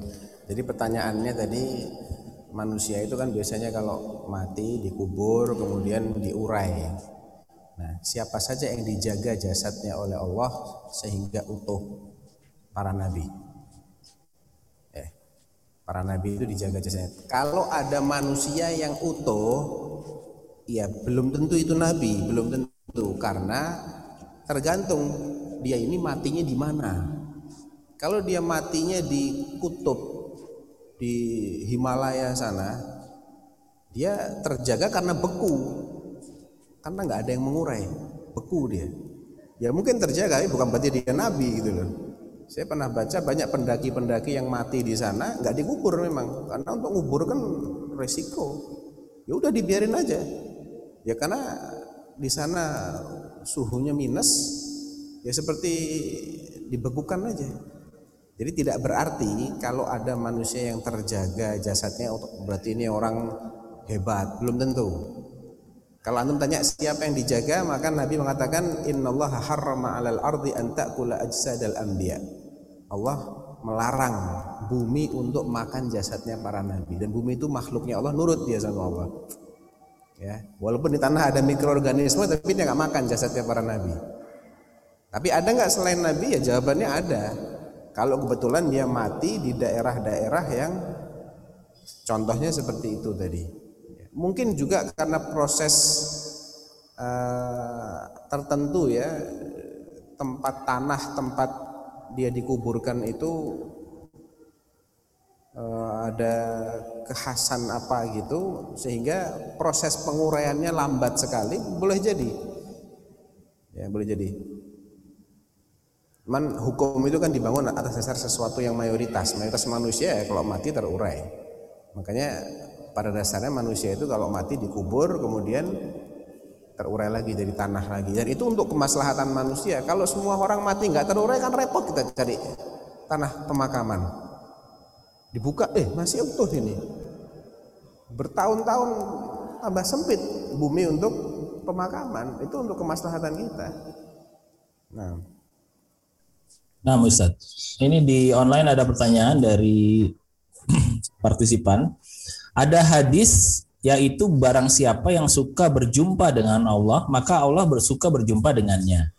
Dan barang siapa yang benci bertemu dengan Allah, maka Allah benci untuk bertemu dengannya. Yang mau Anda tanyakan, bertemu dalam ibadah dunia ataukah bertemu saat wafat? Ana rindu bertemu dengan Allah, tapi masih takut akan kematian karena banyak dosa-dosa dan amalan-amalan ibadah yang masih jauh dari soleh atau solehah. Jadi masih terus memohon barokah usia untuk ibadah. Mohon penjelasannya Ustaz. Jazakallah khair. Iya. Nah, itu pertanyaan yang sama pernah ditanyakan kepada Ummul Mukminin Aisyah radhiyallahu anha ya. Nah, antum simak aja jawabannya Ummul Mukminin. Hadisnya ada beberapa ya, di antaranya hadis yang diriwayatkan oleh Abu Musa al Ashari fi As-Sahihain, man ahabba liqa Allah, ahabba Allahu liqa'ahu, wa man kariha liqa Allah, kariha Allahu liqa'ahu. Siapa yang senang bertemu dengan Allah, Allah senang bertemu dengannya. Siapa yang enggak senang, Allah juga enggak senang. Taib. Arti dari ahabba liqa Allah ini eh, yaitu ketika Aisyah bertanya, "Ya Rasulullah, bukankah pertemuan dengan Allah itu harus melewati kematian?" Kita nggak senang mati ya Rasulullah. Siapa sih yang senang mati ya Rasulullah? Kita nggak senang kalau suruh mati. Ya, inna lanakrahul maut. Kata beliau, laisa dzaka, bukan itu maksudnya. Walakinnal mu'min idza hadarahul mautu busyira biridwanillahi wa karamatihi. Tapi artinya hadis ini adalah seorang mukmin itu kalau sedang menghadapi kematian mulailah ditampakkan sebagian dari tabir-tabir gaib yang selama ini tertutup. Ya. Mulai dari malaikat-malaikat penyerta yang turun mengelilingi dia. Kalau orang itu mukmin, malaikat-malaikatnya berbaju putih dengan wajah berseri-seri. Duduk sejauh pandangan mata dia penuh, baru malakul maut turun di samping kepalanya. Diperintahkan ruh yang baik itu untuk keluar. Ayat Tuhan an-nafsut tayyibah ukhruji ila mardati rabbiki wa ridwan keluarlah engkau menyambut keridhaan Allah. Nah, dia pun keluar dengan senang, dengan mudah keluarnya. Seperti keluarnya air dari mulut kendi. Begitu keluar ditampung oleh kain kafan dari jannah yang telah dibubuhi wewangian jannah yang dibawa oleh malaikat-malaikat pengiring tadi. Dibawa naik ke langit. Setiap melewati pintu-pintu langit harum semerbak baunya. Malaikat penjaga pintu langit tanya-tanya, "Ini ruhnya siapa ini? Harumnya luar biasa." Dia ruhnya si fulan bin fulan. Bukakan, dibukakan. Terus pintu kedua dibuka sampai ke sana. Kemudian Allah mengatakan kembalikan dia ke bumi. Faminha khalaqnakum wa minha nu'idukum wa fiha nu'idukum wa minha nukhrijukum taratan ukhra. Kembali ke bumi, ke jasadnya didudukkan oleh malaikat mungkar dan nakir. Diinterogasi di situ. Dia bisa menjawab, dilapangkan kuburnya, ditunjukkan, digelarkan permadani ke jannah, ditunjukkan itu loh tempatmu. Awalnya kau di neraka tapi diganti sama Allah menjadi jannah. Berhembus. Itu semua adalah bisyarat kabar-kabar gembira. Nah itu yang dimaksud. Jadi seorang mukmin karena dia ini beriman dan dia mengupayakan untuk menjadi orang yang mendapatkan kenikmatan nanti di akhirat ketika mati ditunjukkan sebagian dari kenikmatan yang menantinya. Maka dia pun jadi senang ingin segera ketemu dengan Allah. Sebaliknya orang kafir begitu. Jadi ini bukan takut matinya bukan. Tapi menjelang mati dia akan ditampakkan hal-hal yang menyenangkan sehingga dia ingin segera ketemu. Sebaliknya orang kafir orang yang jahat orang yang durjana menjelang mati dia akan ditampakkan hal-hal yang menyeramkan sehingga dia nggak ingin segera terjadi hari kiamat. Itu maksudnya. Nah, Ustaz, ini ada pertanyaan lagi dari uh, partisipan mengenai dia bergabung di suatu grup uh, eh, WA yang mayoritasnya Muslim, tetapi ada non Muslimnya, dan dia sering share postingan yang bermuatan dakwah. Nah, apakah e, pertanyaannya sebetulnya apakah bisa menyinggung perasaan non muslim tersebut gitu dan bagaimana sebetulnya kita menyikapi hal tersebut Ustaz? Aduh, kok masalah perasaan tanya? Gak tahu lah isi hati orang apa ya. Ya. Tapi sebetulnya bagaimana kita bersikap eh, apa untuk berdakwah tapi dalam grup yang plural seperti itu, Ustaz? Ya dakwah dakwah aja ya. Itu kayaknya karena yang bersangkutan mungkin masih sungkan, masih eh, apa ya terlalu perasa gitu ya. Saya tidak ingin mengusik kenyamanan orang lain. Ya kita lihat aja mayoritasnya itu grup berisi kaum muslimin ataukah bukan. Kalau memang berisi kaum muslimin ya eh, bisa didahului dengan kata-kata untuk saudaraku sesama muslim misalnya begitu. Untuk kaum muslimin dan muslimat yang ada di sini saya himbau begini begini begini saya ingatkan begini begini begini. Jadi yang yang lain tidak perlu merasa terusik gitu loh tapi anda juga harus siap. Se- sekiranya mereka kemudian dakwahin anggotanya mereka di situ yaitu itu konsekuensi. Ada dalam satu grup yang heterogen. Atau memang disepakati kalau kita tidak ingin juga ter terusik ketika mereka banyak men-share kebatilan mereka ya sudah disepakati saja. Kalau mau ingin bicara agama bikin grup sendiri karena memang eh, sosial media ya begitu memang kalau macam-macam ya isinya juga macam-macam Baik, Ustadz. Mungkin di sana ada pertanyaan? ada pertanyaan di sini Dr. Umar Masya Allah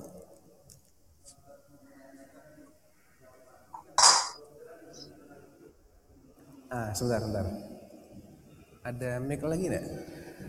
Enggak ada satu tak mana ya, sebentar. Ini buat yang tanya aja anak tak ngambil yang balas sebentar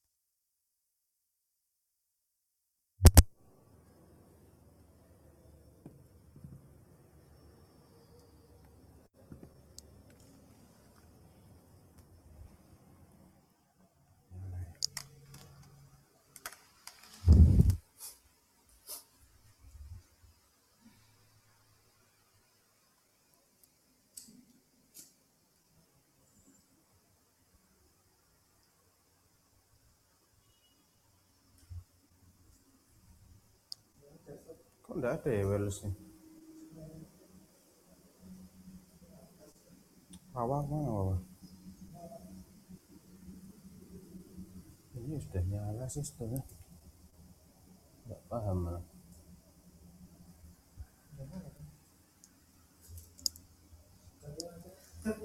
Iya wes lah. Gantiannya ya kan.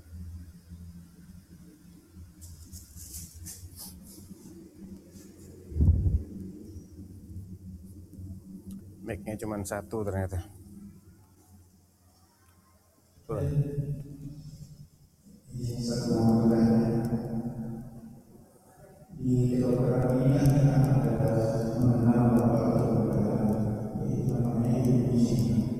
Apa? Ibnu Sina. Hmm.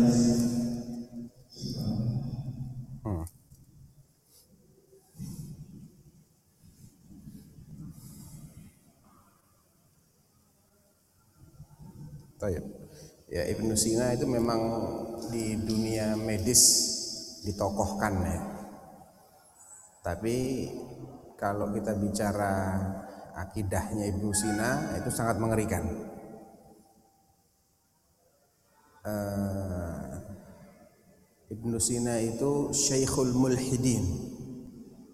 Tokohnya kaum mulhid.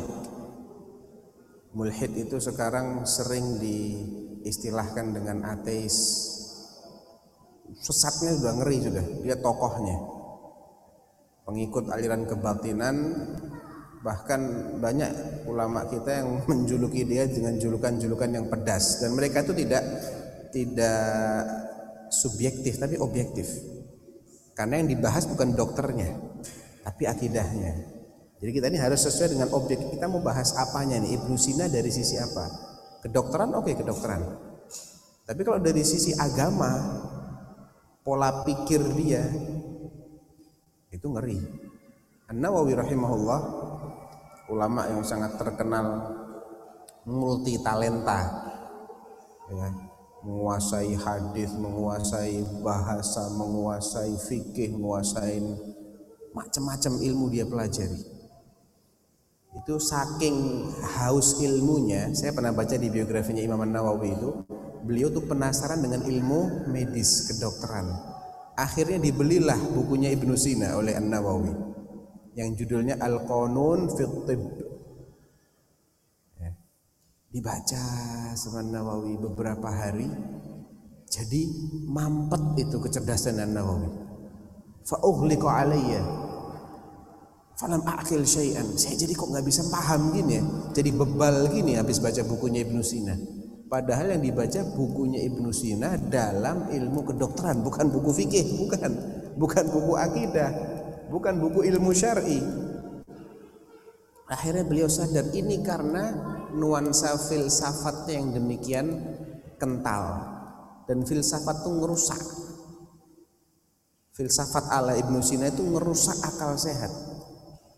Akhirnya dijual di pasar sana. Nggak, nggak, nggak jadi saya baca ini buku. Nggak ada berkahnya baca buku ini itu membaca buku kedokterannya Ibnu Sina bisa berdampak seperti itu. Lah kalau yang dibaca buku filsafatnya lebih ngeri lagi. Ibnu Salah salah seorang ulama ahlul hadis setelah zamannya Nawawi beliau menjuluki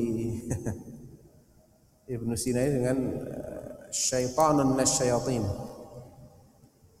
Syaitan dibilang syaitan ya Syekhul Mulhidin itu kalau nggak salah istilahnya Az-Zahabi atau istilahnya Ibn Taimiyah. Mulhid. Bahkan ada yang mengkafirkan. Menganggap dia sudah keluar dari Islam. Ya, ya kalau memang faktanya akidahnya begitu ya mau bilang apa? Wong dia milih untuk seperti itu, dia sendiri yang mengkampanyekan kekufurannya, ya harus siap untuk dihukumin sebagai orang yang sesat, orang yang kafir. Dia bukan tokoh kaum muslimin, bukan. Bukan sama sekali bukan. Sama sekali bukan tokohnya kaum muslimin. Ya. Nggak apa-apa kok. Kita nggak punya tokoh yang namanya Ibnu Sina nggak ada masalah. Islam akan tetap tetap tetap jaya tanpa Ibnu Sina. Islam akan tetap jaya tanpa Ibnu Sina. Nah, Masya Allah. Barakallahu fikum Ustaz. Ini berlanjut ke pertanyaan di kolom chat uh, Ustadz, ini nanti kan di akhirat seorang anak lari dari ibu, bapaknya, dari saudaranya. Nah, apakah ada perbedaan antara orang kafir dan mukmin mengenai hal tersebut nasibnya? Lalu yang kedua, mengenai kejadian yang di padang masyar yang tadi disinggung masing-masing individu saling tuntut dan tidak peduli sama sekali antara sesama kerabat. Apakah ini juga termasuk muslim yang bersaudara dan saling mencintai karena Allah? Ya, itu yang itu yang dikecualikan, Dok. Ya. Al akhillau yawma idzin ba'dhum li ba'din aduwwun illa al muttaqin. Al akhilla orang yang dahulunya sangat akrab, sangat erat, sangat sayang pada hari itu di akhirat di mahsyar yaumul qiyamah itu akan saling bermusuhan kecuali orang-orang yang bertakwa. Itu itu yang dikecualikan. Tapi ketika terjadi dernya hari kiamat itu kalang kabut semua. Setelah itu setelah mulai dikumpulkan di mahsyar orang-orang tertunduk mulai ada yang dinaungi oleh Allah ada yang diberi pakaian pertama kali diberi pakaian semuanya bangkit telanjang. Ya yuhsyarun nas yaumal qiyamati hufatan uratan ghurlan. Kemudian Allah memberikan pakaian satu persatu. Awal man yuksa Ibrahim thumma nabiyuna kemudian nabi kita sallallahu alaihi wasallam kemudian orang-orang beriman diberi pakaian oleh Allah Subhanahu wa taala. Artinya ditenangkan setelah itu. Tapi yang kafir tetap ketar-ketir wa taral mujrimina musyfiqina mimma fi engkau melihat orang-orang mujrimin deg-degan terhadap apa yang tertulis pada kitab mereka. Jadi masa-masa penantian itu bagi orang kafir semuanya menegangkan. Adapun bagi orang beriman ya sesuai dengan kadar keimanannya mungkin sebagian mengalami ketegangan ya kalau dia banyak dosa dia harus berenang di keringat yang mungkin sampai menenggelamkan dia. Tapi kemudian akan diberi eh, hal-hal uh, yang menyenangkan. Jadi intinya orang-orang beriman kalau dia itu taat kepada Allah bertakwa maka relasi itu akan ada manfaat seperti seseorang eh, dimintakan syafaat oleh teman-temannya ketika di dunia. Itu itu bagian dari syafaat. Sesama orang beriman. Nabi memintakan syafaat untuk ahlu tauhid min ummatihi ya. Uh, anak yang soleh bisa juga untuk orang tuanya orang yang mati syahid bisa juga kepada 70 orang kerabatnya tapi itu semua tentunya dengan dengan syarat-syarat dengan syarat-syarat yang akan dimintai syafaat juga harus diridhoi oleh Allah Subhanahu wa taala, harus min ahli tauhid. Dan harus ada izin terlebih dahulu sebelum pengajuan syafaat. Nah, Nah, Ini satu lagi pertanyaan uh, mengenai uh, anak setiap hari sedih, Ustaz. Selalu merasa gelisah dan merasa gagal dalam hidup. Apakah itu tanda Allah mengampuni dosa-dosa anak, Ustaz? Aduh, kalau setiap hari merasa sedih, merasa cerita, merasa gagal dalam hidup, saya khawatir sebentar lagi depresi nanti. Ya itu bukan tanda-tanda Allah mengampuni, itu dia sedang diganggu itu. Sedang diganggu oleh oleh syaitan ya karena setan itu suka bikin kita sedih. Ada ayatnya itu, apa namanya?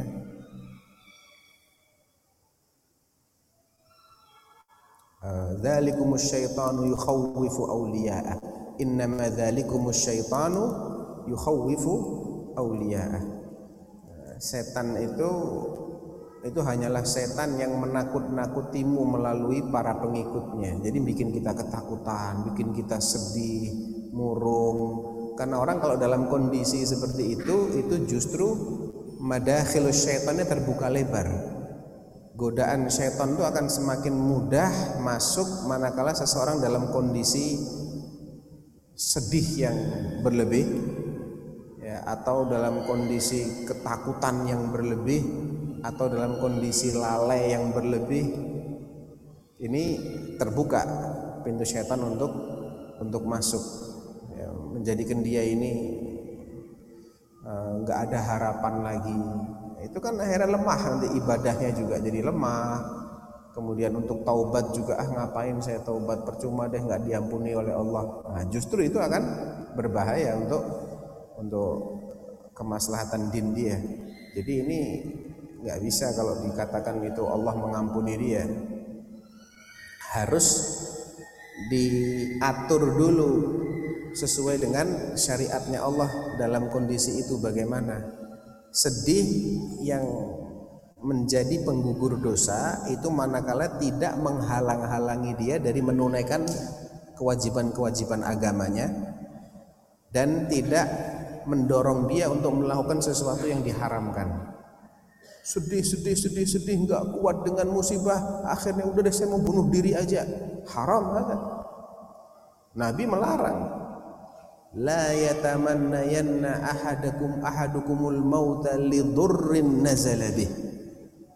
Jangan sekali-kali ada di antara kalian yang men mengangankan untuk mati gara-gara kena suatu madharat. Ada musibah besar, waduh saya nggak kuat nih, saya nggak kuat, saya mending mati aja. Nggak boleh. Apalagi kalau sampai dia melakukan berangan-angan aja nggak boleh. Apalagi sampai melakukan sesuatu. Fa in kana la budda mutamanniyan, kalau dia benar-benar harus mengangankan kematian itu, faliyaqul, hendaklah dia mengatakan begini, Allahumma ya Allah, in kanatil hayatu khairan li. Allahumma ahyini in kanatil hayatu khairan li. Ya Allah, biarkanlah aku tetap hidup. Kalau memang kehidupan itu lebih baik bagiku. Wa tawaffani in kanatil wafatu khairan li. Dan wafatkan aku. Biar Allah yang mewafatkan dia. Jangan dia mengupayakan kematian dirinya biar Allah yang mewafatkan dia kalau memang wafat itu lebih menjaga dinnya dia jadi tetap kita serahkan kepada Allah nah, jadi musibah itu akan menjadi sesuatu yang positif kalau kita menyikapinya sesuai aturan. Sabar, minta pahala dari Allah, minta solusi dari Allah Subhanahu wa taala. Kalau masih sedih, masih nggak enak juga, itu akan jadi kafarah. Tapi jangan sampai melalaikan dia dari kewajiban. Sedih, akhirnya nggak sholat. Giliran bulan Ramadan nggak puasa, kenapa? Saya sedih terus nih saya nggak bisa, saya nggak nafsu makan, paksa. Jangan gara-gara antum sedih nggak nafsu makan, akhirnya nggak bisa puasa, nggak bener. Paksa, ini nggak bener nih sedihnya ini. Ini bukan bukan sedih yang positif, ini sedih minas syaitan ini. Memang setan tuh seneng bikin kita sedih, akhirnya kita loyo, nggak jadi ibadah. Mudah-mudahan bisa difahami ya. Jadi sedihnya itu harus sedih yang tidak mendorong kita untuk meninggalkan kewajiban atau melakukan sesuatu yang terlarang. Masya Allah, jazakumullah khair Ustaz atas jawabannya. Mungkin uh, jamaah offline ada pertanyaan? Tafadol. Ada pertanyaan? Jamaah offline? Tafadol. Ya, pakai itu ya, pakai.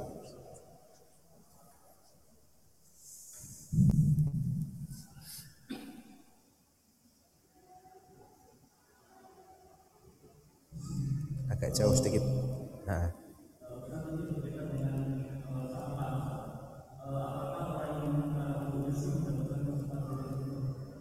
pelan-pelan nggak jelas minta dirukyah berkaitan dengan syafaat tadi. Kalau minta dirukyah dapat syafaat apa tidak? Ya. E, biasanya pertanyaan kaitannya dengan kalau sempat minta dirukyah nanti masih ada kesempatan nggak masuk surga tanpa hisab? Itu yang yang lebih pas mungkin ya.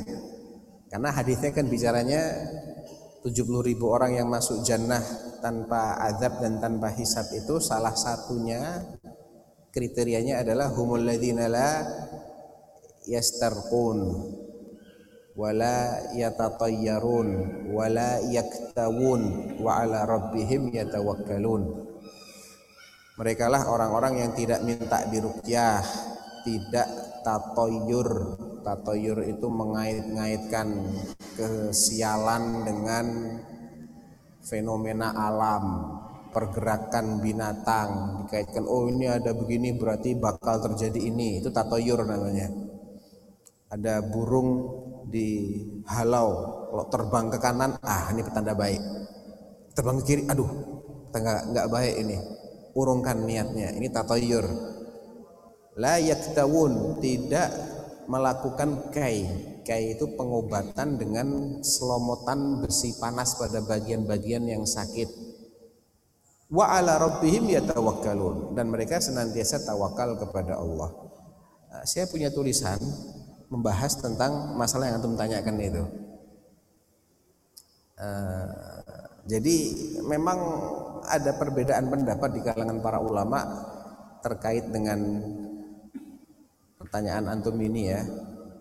Dan yang anak anggap lebih kuat setelah ada kajian yang lumayan meluas tentang bagaimana penjelasan para ulama terkait hadis ini bahwa apa yang Allah janjikan 70 ribu orang masuk jannah tanpa hisab pertama itu memang suatu ke keutamaan jelas itu kemuliaan ya. tapi tidak berarti bahwa orang yang di luar 70 ribu itu pasti lebih sengsara dari mereka. Ada orang masuk jannah melalui hisab, ada orang masuk jannah tanpa hisab. Belum tentu yang masuk jannah melalui hisab itu mesti sengsara dulu. Karena hisab itu ada hisab yang mudah. Fasawfa yuhasabu hisaban yasira. Fa amma man a'ta wattaqa wa saddaqa bil husna fasanuyassiruhu lil yusra. Ya, orang yang bertakwa, beriman, mendermakan dan mempercayai jannah, kami mudahkan dia untuk mendapatkan jannah. Ada hisab. Dan boleh jadi orang yang kaya, hartanya banyak, tapi dia masya Allah sedekahnya juga banyak, infak visabilillahnya banyak. Dia akan lewatin hisab, tapi dapatnya lebih tinggi daripada orang orang fakir yang karena dia nggak punya apa-apa, apa yang mau dihisap? Ya, tapi derajatnya juga nggak sama, gitu loh. Itu pertama kita harus atur dulu supaya kita nggak salah paham. Banyak orang yang akhirnya dia sedih. Aduh, saya sudah pernah minta diruqyah, berarti saya hilang harapan saya. Karena apa? Dia bayangkan kalau masuk jannah harus dihisap nanti sengsara. Siapa yang bilang? Enggak. Dan Allah itu seriul hisab, maha cepat hisapnya. Ya.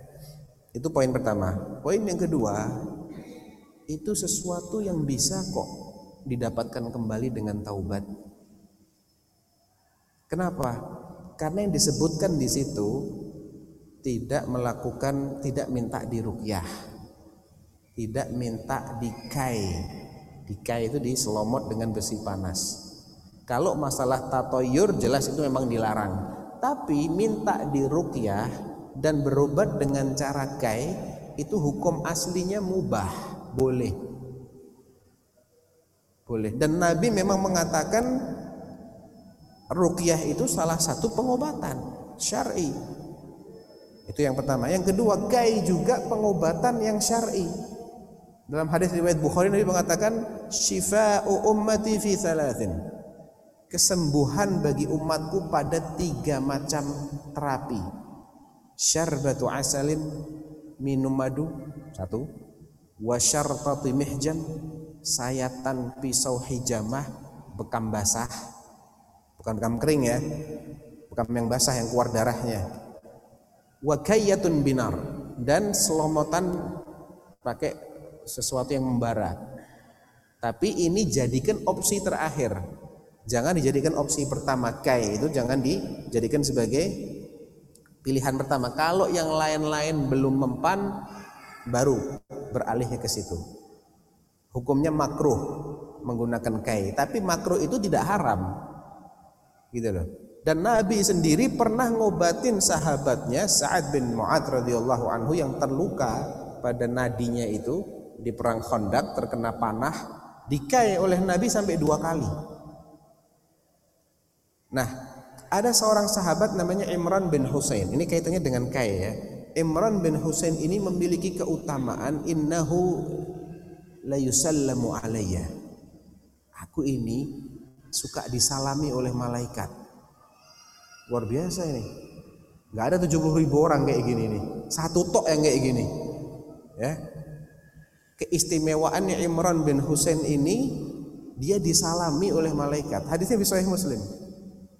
Sampai akhirnya aku melakukan kai. Dia kebetulan diuji oleh Allah dengan penyakit ambeien. Dan dia dilarang untuk melakukan kai oleh Rasulullah karena memang ambeien itu posisinya bahaya. Betul nggak dok? Ya, bayangkan daerah situ diselomot besi panas. Hah? Langsung mencolot itu. Dan yang namanya pengobatan itu hanya probability, nggak pasti. Ya, ya ada potensi sembuh ada lebih besar, tapi tidak 100% mesti sembuh. Faktawaina fama anjahna wala aflahna katanya Imran. Aku nekat mengobati dengan kai, eh nggak sembuh juga.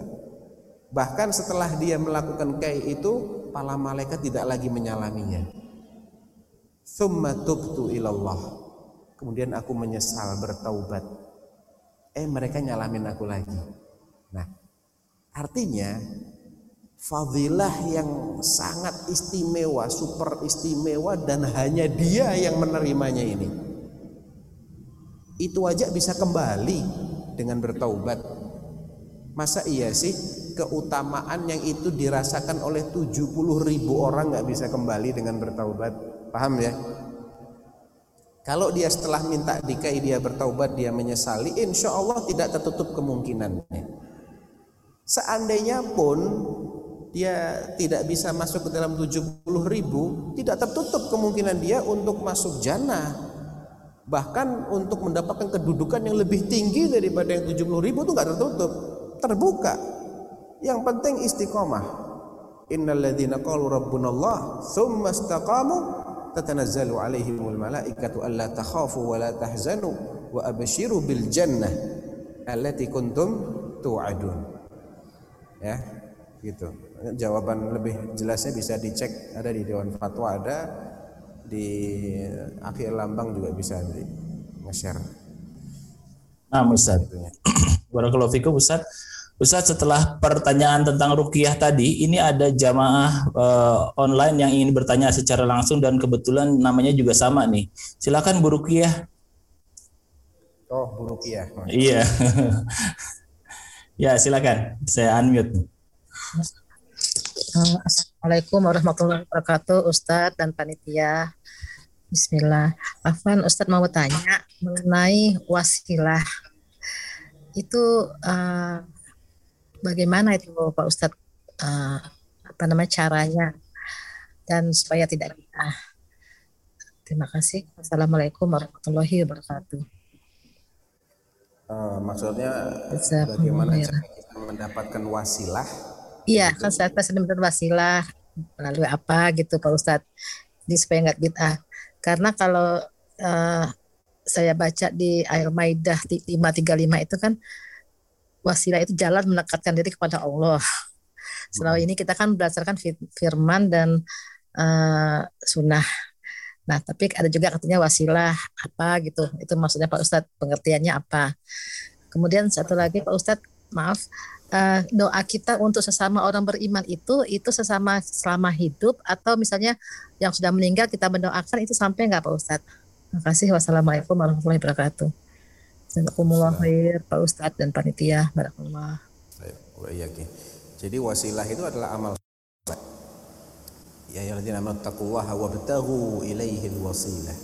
Wasilah itu cara untuk mendekatkan diri kita kepada Allah ya dengan amal-amal soleh lebih rincinya dijelaskan dalam hadis qudsi wa ma taqarraba ilayya 'abdi bi syai'in ahabba ilayya mimma aftaradtuhu alaih tidak ada sesuatu yang demikian Allah cintai dan demikian bisa mendekatkan seorang hamba kepadanya melebihi apa-apa yang Allah wajibkan atas kita. Jadi wasilah yang paling penting adalah menunaikan kewajiban. Demikian pula menjauhi yang haram, melaksanakan yang wajib, menjauhi yang haram itu wasilah yang paling penting untuk mendekatkan diri kita kepada Allah. Dan itu yang paling dicintai Allah dibanding mengamalkan yang hukumnya sunnah atau meninggalkan yang hukumnya mag makruh.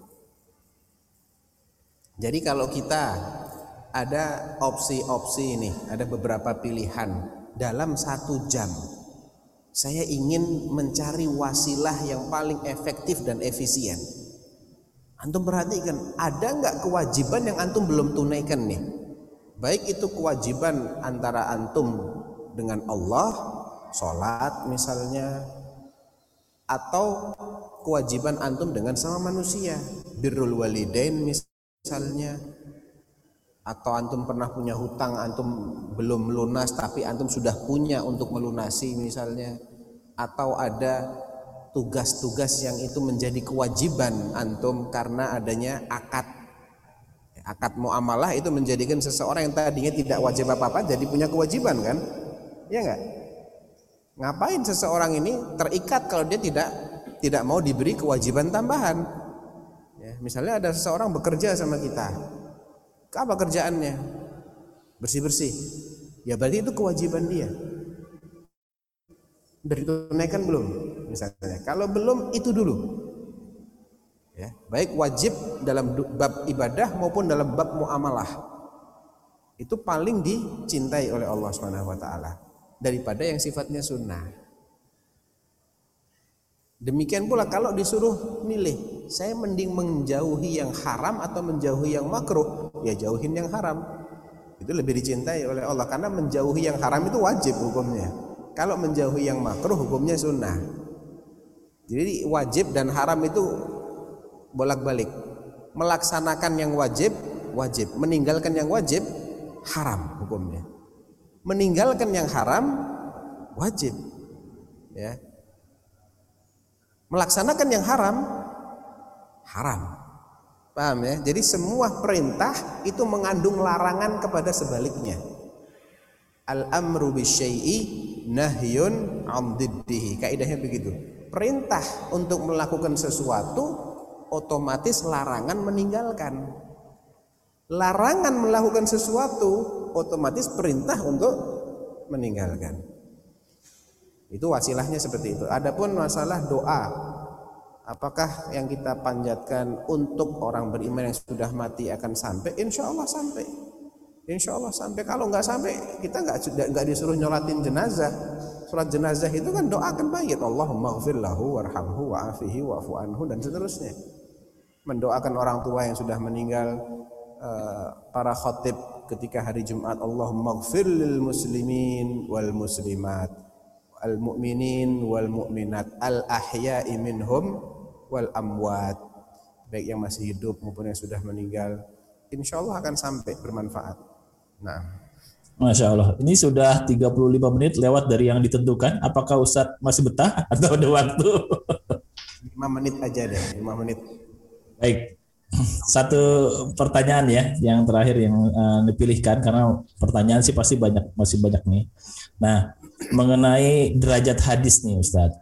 Derajat sebuah hadis yang pernah Anda dengar bahwa semua orang muslim akan diwafatkan oleh Allah sebelum kiamat terjadi sehingga mereka tidak mengalami beratnya akibat kiamat e, tersebut.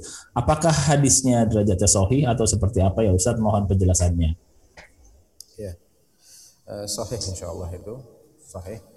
Allah memang menetapkan seperti itu mencabut nyawa setiap orang yang masih ada iman walaupun sekecil apa pun diwafatkan melalui angin yang baik.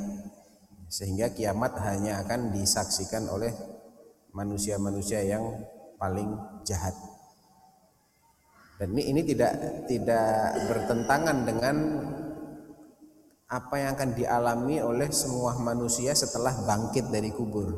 Karena ini kan sebelum mereka mati semua yang nyaksikan kiamat itu hanya yang kafir-kafir saja. Tapi kalau sudah dibangkitkan lagi semuanya menyaksikan. Ya, kengerian itu, kedahsyatan itu, hiruk pikuknya orang baru keluar dari kubur itu dirasakan oleh seluruhnya. Ya. E, telanjang bulat itu semuanya awalnya seperti itu. Tidak beralas kaki, semua apa yang dulu menjadi bagian tubuhnya kembali lagi termasuk yang sudah pernah dibuang ketika khitan kembali lagi tidak berkhitan. Kama khalaqna aw kama bada'na awwala khalqin nu'iduhu kata Allah. Sebagaimana dahulu kami memulai penciptaanmu itu seperti itu kita lahir ke dunia ini dalam keadaan telanjang nggak pakai alas kaki nggak berhitan kan maka Allah akan kembalikan kita seperti itu lagi. Dari kuburnya dalam keadaan seperti itu. Itu semuanya mengalami hal tersebut. Ya, tapi kemudian Allah memberikan pakaian, Allah kemudian memberikan naungan pada orang-orang tertentu sesuai dengan yang telah dijelaskan oleh Rasulullah Shallallahu Alaihi Wasallam. Nah.